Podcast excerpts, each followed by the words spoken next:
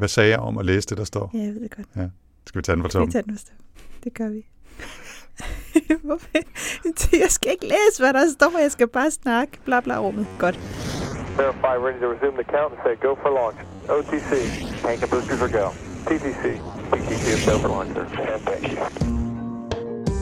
Velkommen til Rumsnak, en podcast om rumnationen Danmark og de danske rumaktiviteter inden for både forskning og forretning. Mit navn er Tina Ibsen. Jeg hedder Anders Høgh Nissen. Spænd selen og start nedtællingen. Vi er klar til affyring.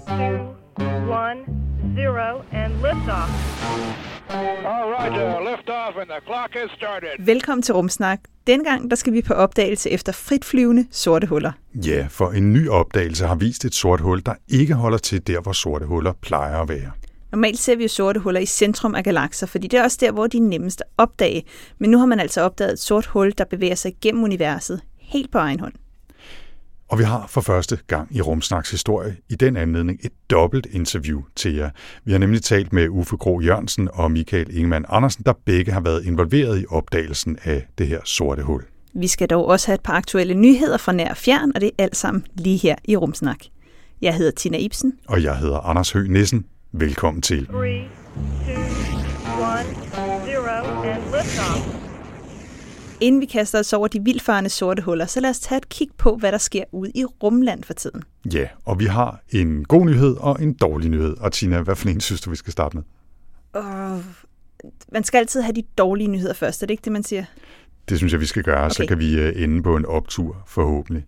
Så jeg vender tilbage til den efterhånden næsten endeløse saga om opsendelsen af Artemis 1-missionen og den her store SLS-raket, de har stående over hos NASA, fordi sidst vi talte sammen her i studiet, der krydsede vi jo fingre for en opsendelse her den 27. september, efter at datoen var blevet skubbet helt to gange på grund af problemer med brændstofsystemet. Nu sidder vi her i studiet igen til endnu en omgang rumsnak, og i talende stund, der er det jo faktisk lige præcis den 27. september. Så opsendelse. Man skulle jo tro, at vi nærmest sad her og talte ned til en opsendelse senere i dag, men det gør vi ikke. NASA meldte ud allerede her forleden, at de har valgt at rulle SLS-raketten tilbage i garagen, fordi vejrudsigten truer med et besøg af orkanen Ian, som måske eller måske ikke vil ramme området omkring Kennedy Space Center. Den seneste status her, inden vi gik i studiet, det var, at turen faktisk finder sted lige præcis nu, mens vi sidder og taler. Det går jo ikke så stærkt. Det tager omkring øh, 11 timer at transportere SLS, de her cirka 6 km tilbage til Vehicle Assembly Building, som det hedder. Øh, ikke garagen, som jeg har kaldt den før. Og øh, mens SLS så alligevel er tilbage under tag, så planlægger man at, at benytte lejligheden til at lave lidt vedligeholdelse og nogle småjusteringer osv., og så skal man nok til at begynde at kigge i kalenderen for at finde en ny øh, dato. Den er altså ikke øh, oplyst endnu. Igen. Igen. igen. Igen, Altså, jeg, er- men der er jo virkelig det der, både øh, Florida er øh, sådan lidt tricky, Kennedy Space Center, og så SLS ser ud til at være noget tricky også. Så Ja. det var... Øh... Det er et spørgsmål, om den nogensinde kommer afsted. Nå, Anders, du lovede mig en god nyhed. Det gjorde jeg nemlig, fordi samtidig med skuffelsen over Artemis 1, så har NASA også haft en lille succesoplevelse, og det har de måske også haft brug for. Her i nat dansk tid, der lykkedes det at få en sonde på 570 kilo til at ramme asteroiden Dimorphos, hele 11 millioner kilometer fra jorden med 22.530 kilometer i timen, og det er imod væk også en slat, må man sige.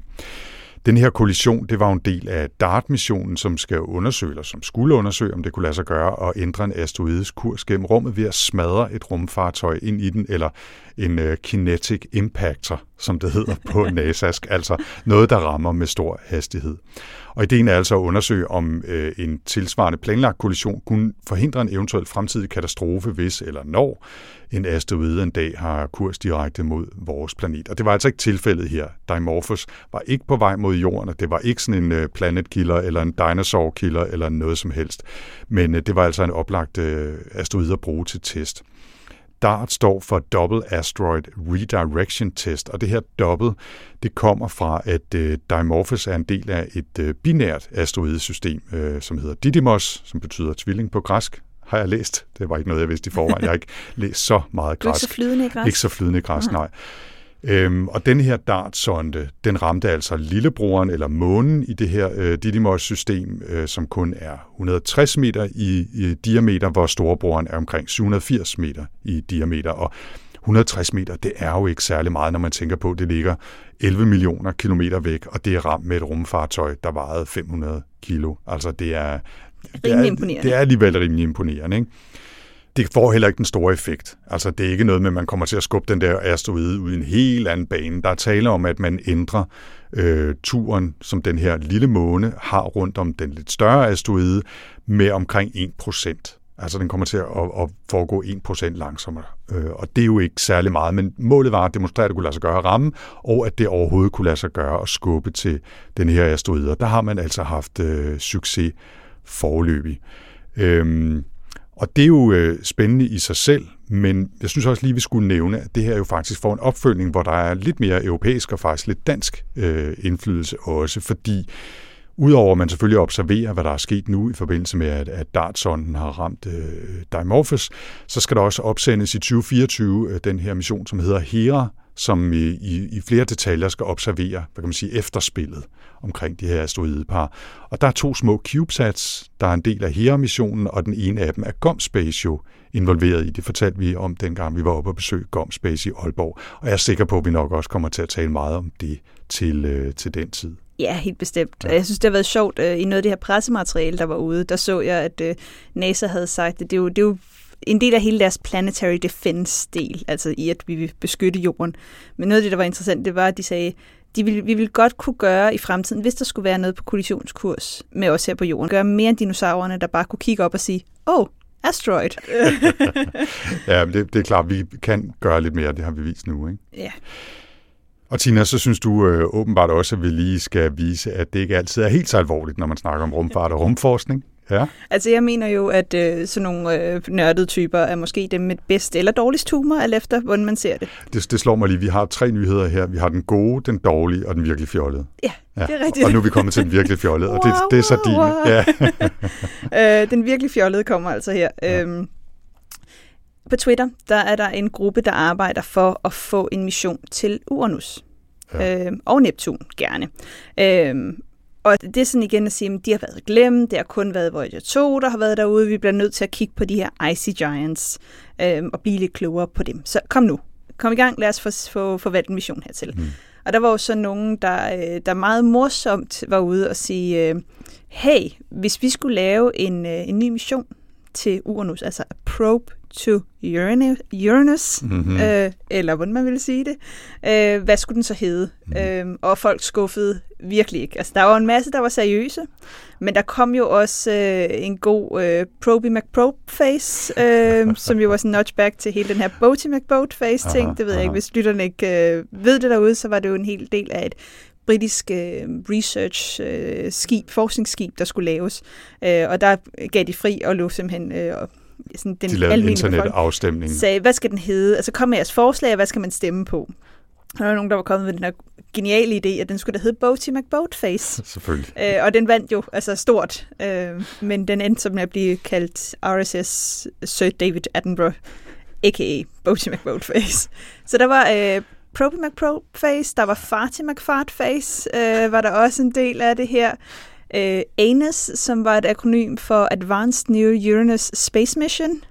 Vi havde Mission Colonoscopy, øh, Operation Butt Plug, Ej, nu må I Our op. Anus, øh, Det er derfor, man simpelthen ikke skal spørge Twitter om noget som helst. Det er derfor, det. øh, man ikke skal gøre det. Men det det var bare, der var en del, øh, og jeg blev faktisk også fanget i den før, der troede øh, først, at det var NASA, der havde lavet den her. Og man tænkte, hvor dumme er I ikke, Mhm. NASA? Men det var altså bare folk med virkelig god eller dårlig humor. Ja. Så, øh, så hvis man vil det, så, så lægger vi et link ind til øh, hele den her liste, der var lavet over de her jokey navne, så kan man se, øh, hvad NASA, hvis de vælger, eller ESA for den sags skyld, vælger at lave en øh, mission til Uranus, hvad den så kan blive kaldt.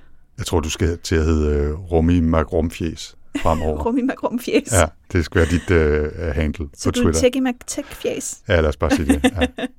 Men, øh, men hele det her kommer jo så også ja. samtidig med, at der har været en masse anden fokus, hvis vi skal være lidt seriøse, på netop de her store icy giants, eller iskæmperne i vores øh, solsystem. Fordi vi ved jo, at øh, Uranus, som vi lige har talt om, har et ringsystem. Vi ved, Saturn har et ringsystem også.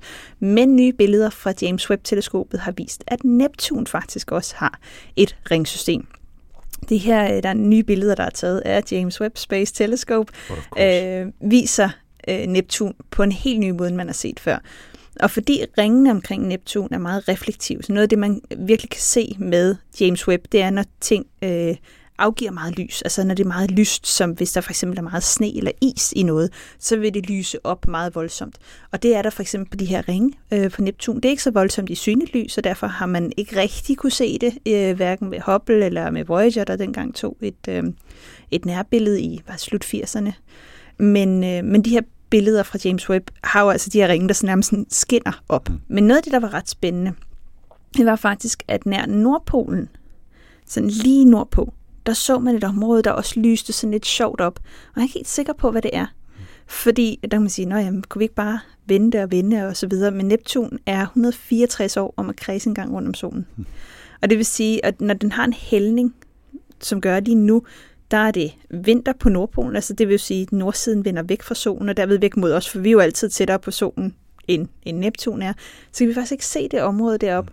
Så vi skal vente i hvert fald en, nogen, der er 70 år, før den kommer op på den anden side, så vi kan se det igen. Eller altså sende en rummission ud til Neptun og kredse rundt, så man så kan få mappet hele, hele planeten. Ikke? Ja. Så det viser jo, at selvom vi kan have nok så gode teleskoper hernede, så har vi jo altså kun sat, når det kommer til det ydre solsystem og resten af universet for den sags skyld, én vej, vi kan kigge.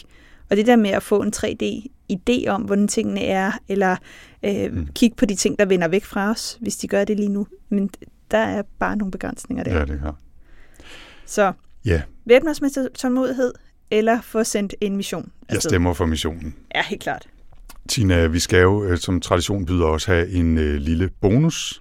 Og den her gang, der er det som end bare, at man her fra oktober kan købe en Lego-model af Razor Crest, rumskibet fra The Mandalorian-serien, som, øh, som kører på Disney Plus øh, streamingtjenesten. Jeg tror, du så Mandalorian, gjorde du ikke? Det, det gør jeg jo. Altså, ja. jeg har ikke set den seneste sæson, Nej. men øh, de første har jeg. Ja. Altså, jeg er jo Star Wars-nørd, så Det er jo det, jeg ved. det. Det er jo det, jeg ved. Men det er jo ikke det, er jo ikke det første rum-Lego, det er heller ikke det første Star Wars-Lego. Jeg synes bare, jeg vil nævne det til eventuelt samlere derude, hvis der sidder nogen derude og tænker, at jeg skal have den komplette øh, samling. Og så må jeg sige, og det er sådan lidt øh, idéudvikling her for, for åben mikrofon, ikke Tina, men jeg har tænkt på, om vi ikke måske kunne lokke Lego med på et samarbejde, fordi vi har jo tidligere i hele to bonusepisoder samlet en Lego-model af den internationale rumstation. Og det synes jeg jo var rasende hyggeligt. så jeg kunne også. faktisk godt tænke mig, at vi lavede en, øh, en særserie af Rumsnak, hvor vi byggede alt deres øh, rumlego, både modellerne af Apollo-raketten og ISS og de tidlige 80'er rumlego måske, hvis vi har lyst, og alt Star Wars-legoet også, fordi why not? Og så sidder vi og snakker om det og hygger os øh, i studiet og fortæller om det, og jeg tænker bare, altså det vil være oplagt for Lego at gå med i det samarbejde, og ellers så må der være nogen derude, der har en pose penge, der er stor nok til, at vi kan købe modellerne og øh, holde os selv med kaffe, mens vi øh, optager. Ja, for det bliver ret mange timer. Det bliver nemlig ret mange timer, så jeg, jeg tænker bare, at det, det, det vil vi gerne gøre nu, ideen givet derude. Så hvis man, hvis man kender en Lego-direktør eller nogle andre, der har en stor øh, pose rumpenge stående, som de ikke ved, hvad de skal bruge til, så synes jeg, de skal give os et kald herinde på Rumsnak, så vi kan lave øh, The, the Rumsnak Lego Challenge. Challenge. det kunne være, at vi skulle have nogle lyttere med os til at hjælpe os lidt, tænker jeg. Lego med grumface. Lego med rumfest. Åh, oh, Anders. Jamen, øh, jeg, jeg er klar, hvis du kan få det til at ske. Jeg prøver. Okay, it's a nice ride up to now. Og lad os så komme i gang med dagens emne, de fritsvævende sorte huller. Ja, vi har været inde på sorte huller i tidligere episoder her i Rumsnak, så vi linker til et par af de tidligere episoder, hvis man vil høre dem. Men hvis vi lige skal bare have en øh, ultrakort opfriskning, så er sorte huller jo nogle af de mest mystiske og fantastiske fænomener i universet, og der er stadigvæk meget, som vi ikke forstår. Men basalt set så er sorte huller jo objekter, hvor materialet er presset så meget sammen, at alting ligger i et enkelt punkt, og det er svært at fatte med sin lille Anders-hjerne, men sådan er det altså. Og tyngdekraften er jo så voldsom, at ikke engang lys kan undslippe, og derfor kan vi ikke se de sorte huller direkte. Så man skal forestille sig, at man tager noget, der er meget, meget stort, mange gange større end vores sol, og maser det sammen til ingenting. Og så vejer det virkelig meget. Ja, og massen af sorte huller, de måles som i solmasser, så antal solmasser, øh, så hvor mange sole altså, kunne egentlig ligge i det. Ikke? Øh, en enkelt solmasse er vægten af vores egen sol, som er cirka 2.000 billioner billioner tons, eller 1,99 gange 10 i 30 kilo, mm. som vi plejer. Man, vi plejer faktisk bare at skrive 2 gange 10 i 30, når man Det, man kan godt runde op. Det ja. man må godt runde op. Små sorte huller, og her er den sådan små i, i citationstegn, er mellem cirka 3 og 100 solmasser. Og de store, øh, tunge sorte huller, som for eksempel det, der er i midten af vores egen galakse Mælkevejen, vejer flere millioner solmasser. Det største sorte hul, man kender til, det er omkring 10 milliarder solmasser. Det er alligevel også en, noget en mobbedrej. Det må man sige. Normalt, når vi taler om øh, sorte huller, og dem vi tidligere har talt om her i Rumsnak, det er nogen, der befinder sig i centrum af en galakse, ligesom vi har et sort hul i centrum af vores egen mælkevej, hvor alle stjernerne og systemerne så bevæger sig rundt om det her centrum i en spiralstruktur. Men astronomerne mener, at der altså kan være en hel masse sorte huller, som ikke findes i galaksernes midte, men flyver øh, øh, hvad hedder det, frit rundt i, øh, i galaksen. Og de er resterne efter supernova-eksplosioner fra de sidste 10 milliarder år. Man regner med, at der findes op mod 100 millioner sorte huller bare i vores galakse af den her slags fritflyvende fænomener. Ja, og siden sorte huller jo så ikke udsender lys, så de er jo enormt vanskelige at opdage. Og ikke desto mindre, så har astronomer altså for nylig fundet det første sorte hul af den her type, der drøner omkring og passer sig selv. Forskere fra Niels Bohr Instituttet var involveret i opdagelsen, og der brugte de det danske 1,54 meter teleskop på La Silla-observatoriet i Chile. Og derfor har vi inviteret hele to Niels Bohr Institut forskere i studiet, nemlig teknologichef Michael Andersen og lektor Uffe Kro Jørgensen, og dem kan man møde lige her. 5, 4, 3, 2, 1, 0, and liftoff. Jeg hedder Uffe Grå Jørgensen, og jeg er professor i astrofysik på Niels Bohr Instituttet på Københavns Universitet. Og jeg arbejder primært med eksoplaneter, altså planeter, der kredser om andre stjerner end solen. Og jeg hedder Michael Ingemann Andersen, og mit ansvar er øh, instrumenter til vores teleskoper rundt omkring i verden. Og det har jeg sådan set arbejdet med i 30 år. Øh, og jeg er også ansat på Niels Bohr Instituttet, hvor vi har vores værksted og så videre. Ja, i dag der øh, har vi jo inviteret jer studiet på baggrund af en ny artikel, der er kommet ud. Øh, til at starte med, hvad er det, vi har fundet? Fordi det er noget med et sort hul. Øh, hvor er det sorte hul? Hvordan har I fundet det? Hvor er det henne? Uffe, vil du lægge ud og lige Ja, det øh, introducere godt, ja. lidt? Altså, øh, det er første gang, man har set et sort hul direkte fra en supernova-eksplosion. Så der er masser af forskellige sorte huller, man har set, og der har været meget omtale af det mange millioner masser store sorte hul, som er i Mælkevejens centrum og i centrum af andre galakser. Men en, en, øh, en, et sort hul opstår primært, når en stor stjerne, altså en stjerne, der er større end 8 gange solens masse, har gennemløbet hele sit liv, og så til sidst eksploderer i en supernova-eksplosion. Og så bliver der en lille bitte rest tilbage inde i centrum, og det kan så afhængig af supernovaens størrelse, så kan det enten blive det, man kalder en neutronstjerne, eller det kan blive det, man kalder et sort hul. Og et sort hul er noget ekstremt mærkeligt, øh, og det er ekstremt svært at se, som vi måske kommer ind på om lidt. Øh, så øh, derfor er vi enormt øh, optaget og enormt glade for, at øh, vi har set første gang, man nogensinde har set sådan et, en rest fra en supernova-eksplosion. Uffe, kan du, kan du sætte et par ord på? Altså, du, vi snakker supernova, det er jo eksplosioner normalt. Hvordan Ja. går vi fra det til et sort hul, som jo er noget sådan en meget kompakt? Ved man det? Ja, det, ja, det, her, det her forstår man i relativt, øh, relativt detaljer. Ikke? Der er selvfølgelig altid nogle ting, man ikke forstår. Øh, men øh, man kommer dertil, at en stor stjerne forbrænder først brint til helium, så brænder den helium til øh, ild, ilt og kulstof, og så brænder den kulstoffet videre til tungere grundstoffer. Og det ender op med at blive til jern alt sammen, og jern kan ikke forbrændes, jern kan ikke fusionere. Så det ender inde i kernen med at være jern, og det er en gas. Øh, Og det er lidt svært at forestille sig, at det er en gas, der, der vejer milliarder af tons per kubikcentimeter, men det er stadigvæk en gas. Så vi har en gas af jern der inde i centrum, og den kan ikke forbrænde, der kan ikke foregå kernereaktioner. Så den bliver bare større og større og større. Og så sker der en, en, en, en meget besønderlig ting. Øh, det er, at når den her masse af jern derinde i centrum bliver mere end stort omkring halvanden gang solens masse, øh, så kan det ikke modstå tyngdekraften længere. Og så kollapser selv den der gas, eller selv øh, jernpartiklerne, kan man sige. De trykkes så meget sammen, at elektronerne får større og større hastighed på. Nu er det, nu er det frie jernkerner og frie elektroner, der farer rundt imellem hinanden. Trykket bliver så stort, så elektronerne farer rundt med næsten lyshastigheden. Og, og når sådan en elektron rammer ind i en, i en kerne, altså rammer ind i jernkernen, så omdanner det en, en positiv lavet proton i, i kernen til en neutralt lavet neutron. Og det er fordi protonen er positivt lavet og elektronen negativt lavet, så det bliver til nulladning. Så, er der ingen, så bliver der lidt mindre frastødning ind i den her gas mellem jernpartiklerne.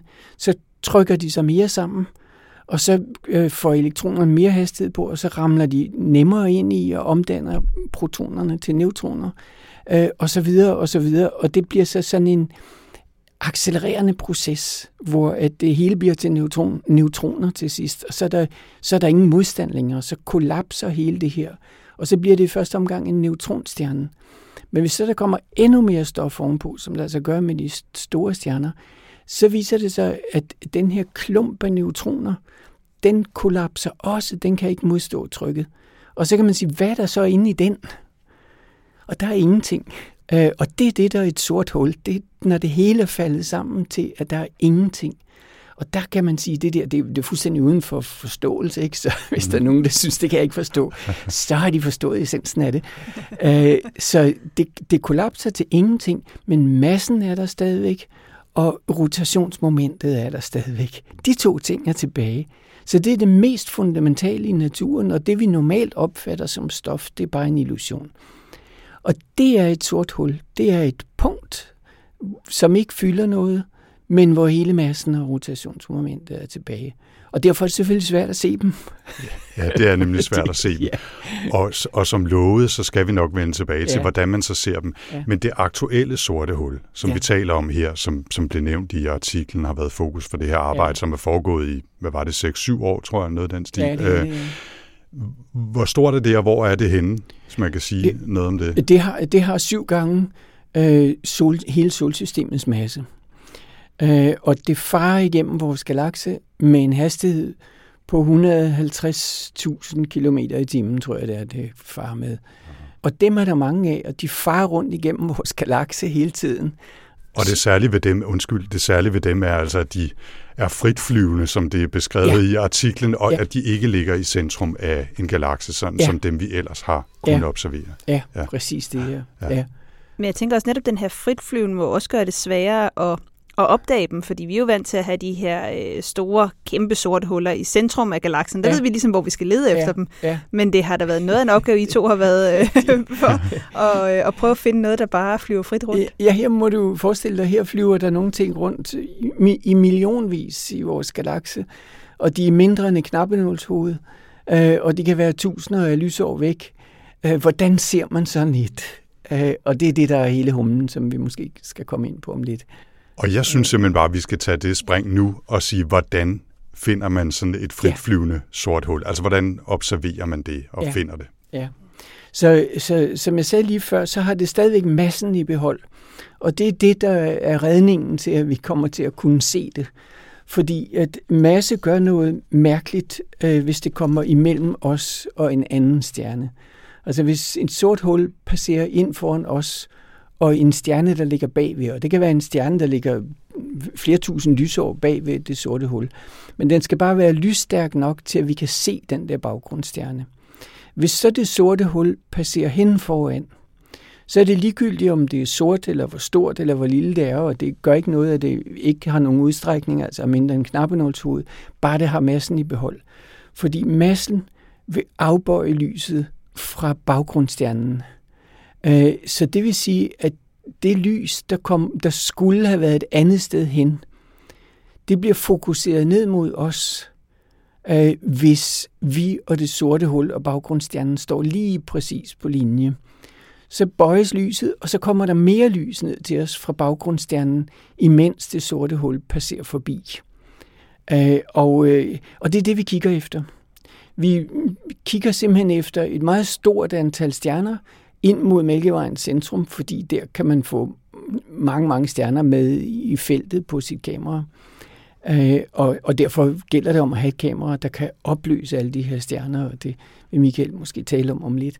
Øh, men så kigger vi efter alle de her stjerner, og når vi så ser en stjerne, som begynder at bluse op, uden der er et eller andet, altså det er ikke en eksplosion eller øh, noget i den stil, som vi kender, og det er heller ikke en pulserende stjerne, som man har kendt eller noget. Det er en stjerne, som har været stabil måske i overvis, øh, og så pludselig begynder den at lyse kraftigere op.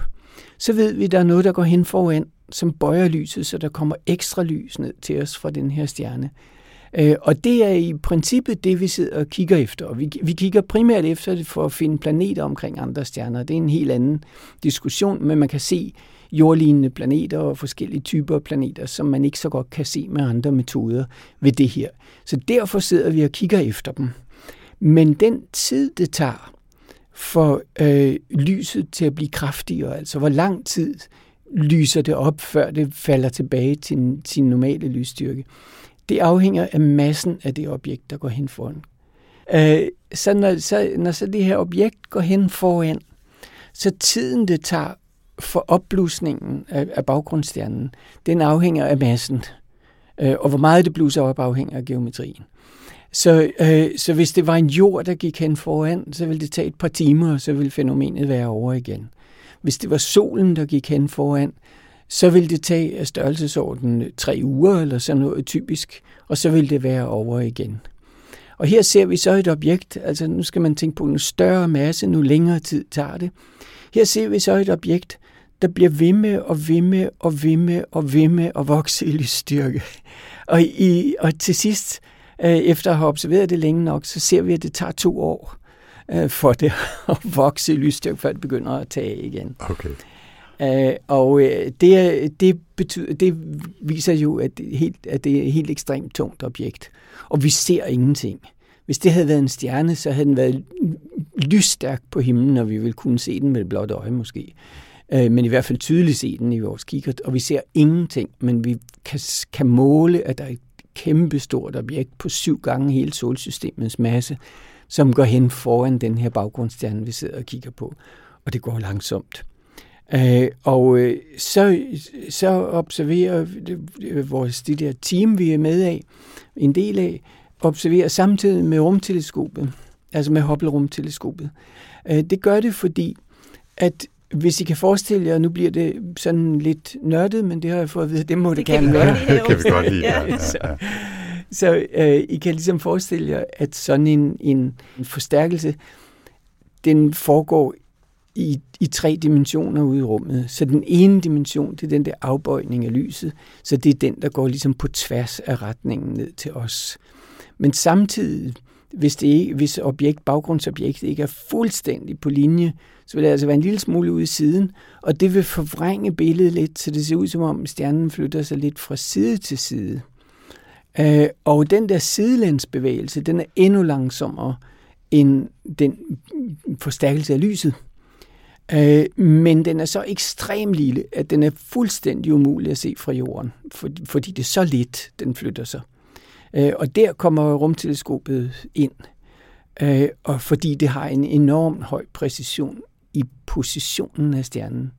Så for rumteleskopet, der har vi så taget øh, et par observationer om året, fordi bevægelsen er meget langsom og meget lille. Øh, og det har vi så gjort igennem syv år. Øh, og så har vi lagt observationerne af sidebevægelsen sammen med observationerne af lysforstærkelsen, som vi ser fra jorden, og sidebevægelsen fra rummet. Og ved at lægge de to bevægelser sammen og, og modellere det, lave en, en, en, øh, en computermodel, der analyserer, hvordan har de to objekter bevæget sig, og hvor store har de været og sådan noget, så kan man så regne sig frem til, at det er altså et objekt på syv gange solsystemets masse, øh, og det er usynligt for os, og det bevæger sig med 150.000 km i timen. Så I har, I har brugt øh, Hubble-teleskopet, men, men Michael, øh, hvad har I, I har jo så også brugt nogle observatorier her på, på jorden. Hvordan er det ja, arbejde altså, foregået? Vi har brugt vores danske halvanden meter teleskop i Chile, hvor vi har et, et, et kamera, som, øh, som vi har udviklet på instituttet, øh, som kan tage 10 billeder i sekundet, og fidusen ved det er, at nogle gange er billederne skarpere end andre gange. Der er en tidslig udvikling, ligesom når man ser hen over en varm vej. Der ser man øh, varmedis på en varm sommerdag for eksempel. Det ser vi med et stort teleskop, der ser vi meget, meget, meget svagere varmedis op gennem atmosfæren. Og, og, og den kan vi ligesom fryse ud, hvis vi tager hurtige billeder. Øh, det her kamera, det er så et, et kamera med en, en detektor, der hedder en elektronmultiplikations-CCD. Og CCD betyder, Charge Coupled Device. Det var den slags, der var i de første mobiltelefoner med kamera. I dag er det en anden teknologi, man bruger i, i øh, mobiltelefoner. Øh, men det, der er specielt ved den her CCD, er, at når der kommer en foton ind, så bliver den omdannet til en elektron med en vis sandsynlighed. Ret stor, 80-90 procent sandsynlighed. Og man kan sådan set forstå en CCD som et, et, et, et, et uh, array af, af en matrix af, af solpaneler.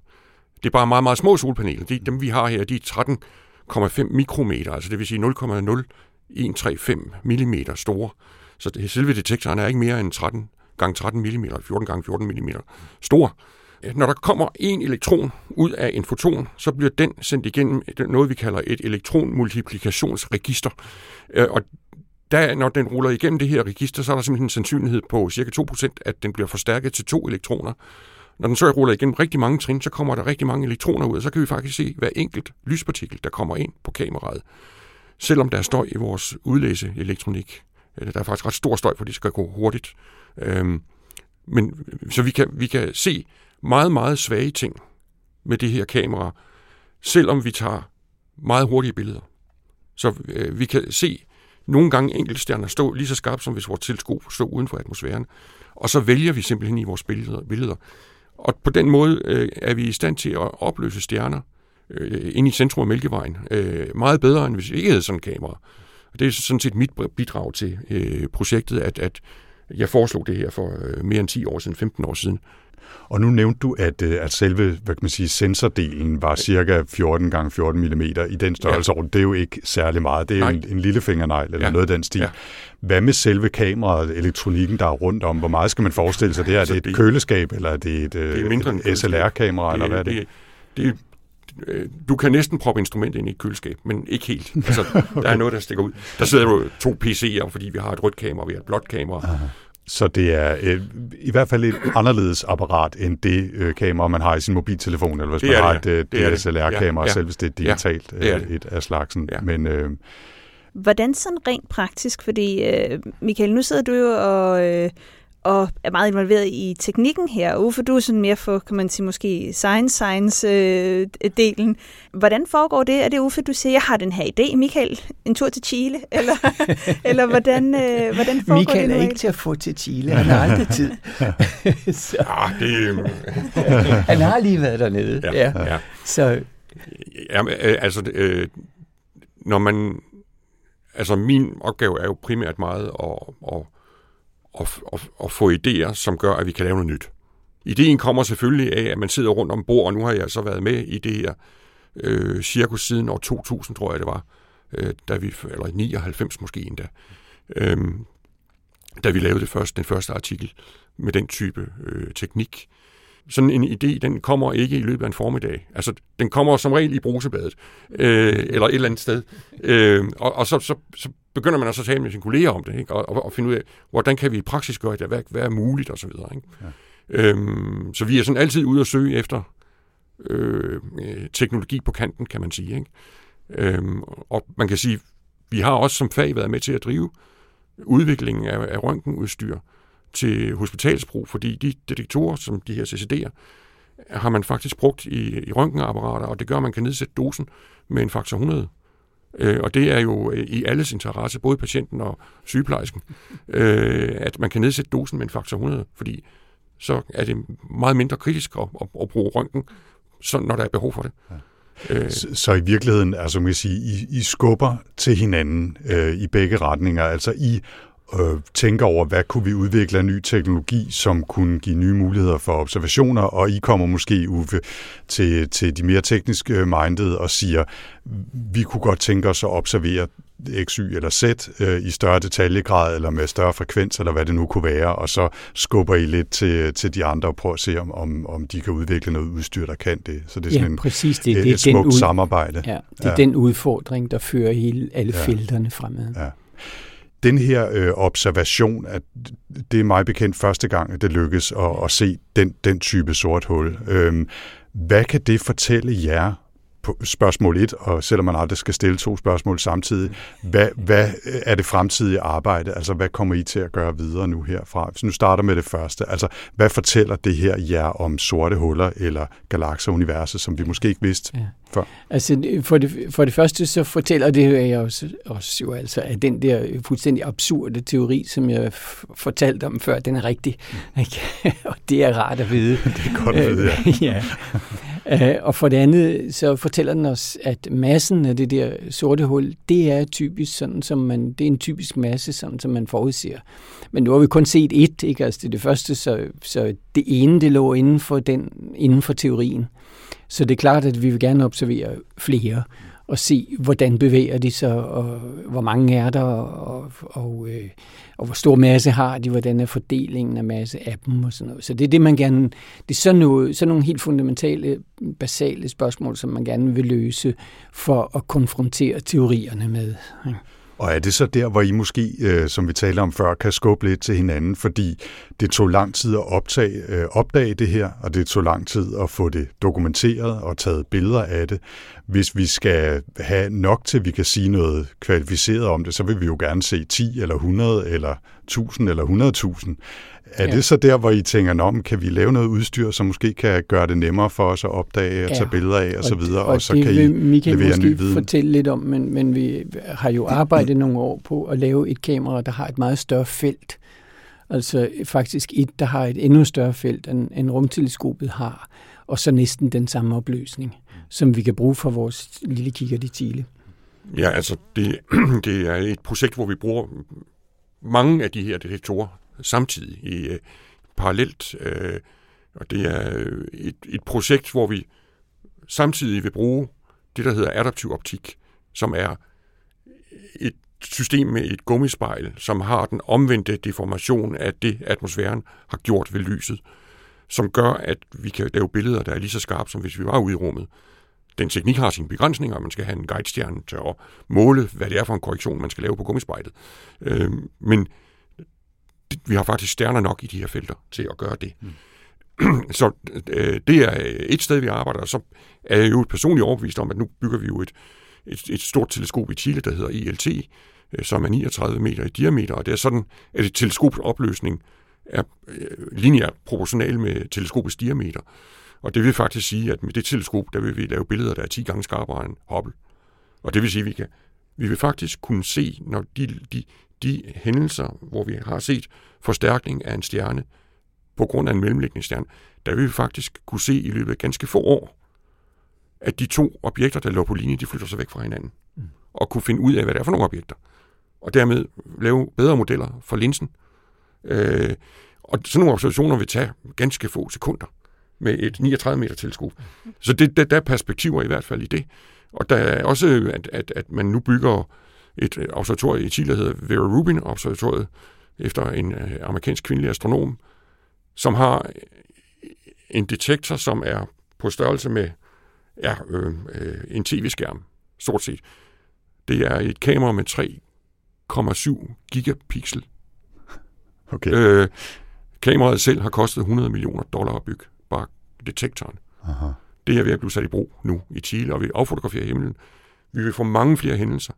Der er det, der er det ved at grunden til, at vi kigger på det her felt i Mælkevejens centrum, eller tæt på Mælkevejens centrum, er, at, at det, det kan man næsten nok forstå. Sandsynligheden for, at der opstår sådan en hændelse, den er proportional med stjernetætheden i anden potens. For, for der skal to objekter til. Og jo, jo flere der er, altså hvis der er dobbelt så mange, så vil der være fire gange så mange hændelser. Og derfor er det der, vi ser alle hændelserne.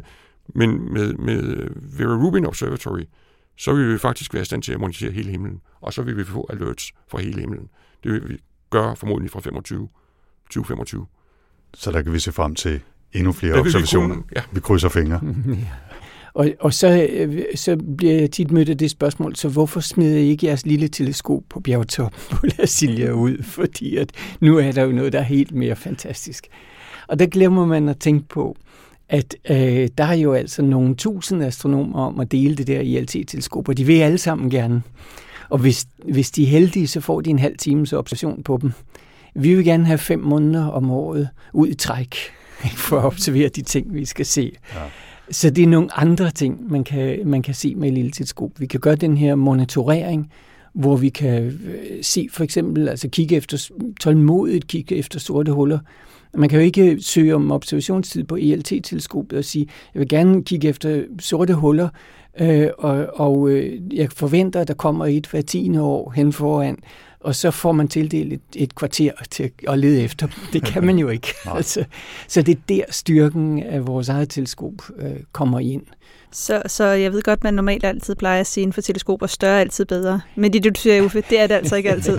ikke altid, nej. Det er en, en, en, en kombination af størrelse og tid. Ja. Ikke? Og, og vi kan have meget tid på det danske teleskop.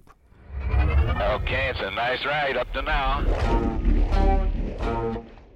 Og det fortalte altså her Uffe Gro Jørgensen og Michael Ingemann Andersen. Og så er Rumsnak landet for denne gang. Men hvis du lytter den her dag, hvor at den her episode udkommer den 3. oktober, så allerede i morgen er der nyt for os. Den 4. oktober holder vi nemlig en virtuel live kl. 19.30 til 21, hvor vi tager pulsen på Rum Danmark. Vi er gæster i studiet og kommer til at snakke om rumforskning, forretning og teknologi, der er konkurrencer præmier, øh, som man har mulighed for at vinde, hvis man ser med direkte, og man vil altså også have mulighed for at stille spørgsmål til vores gæster. Det hele bliver vist på YouTube, og man kan finde et link på vores hjemmeside, vores Facebook-side og også i show notes til den her episode. Vi glæder os. Det gør vi. Og så vil jeg lige sige, altså hvis du sidder derude og lytter den her episode, den 4. eller 5. eller 6. og du tænker, ej, hvorfor nåede jeg det dog ikke at se med på YouTube Live, så kan du altså lytte en redigeret udgave af den her live episode i næste episode af rumsnak. Så du øh, kan så ikke være med i konkurrencen, eller komme til at stille spørgsmål. Du kan dog få at vide, hvad vi snakkede om, og høre gæsterne. Og hvis man så ellers gerne vil vide mere om Rumsnak, så kan man finde os på Facebook, øh, på rumsnak.dk og på Instagram. Og husk også, at vi har vores egen lille butik på vores hjemmeside med Rumsnak merchandise. På Rumsnak altså. Rumsnak.dk. Og husk også at tjekke show notes til podcasten. Vi linker til mere information om dagens emner, og selvfølgelig også link til vores live. Hvis man har spørgsmål eller kommentarer, så kan man skrive til os på Twitter med hashtagget rumsnak. Man kan også skrive direkte til mig. Jeg findes på at Tina Ibsen. Og jeg hedder Anders, stadig 4ND3RS på Twitter. Vi tager altid meget gerne imod input og idéer, og husk også, hvis du synes, det har været spændende at lytte til Rumsnak, så er du meget velkommen til at dele med familie, venner og andre rumnørder derude. Rumsnak er støttet af Novo Nordisk Fonden og bliver produceret af Potlab. Jeg hedder Anders Høgh Nissen. Og jeg hedder Tina Ibsen. Tak for denne gang.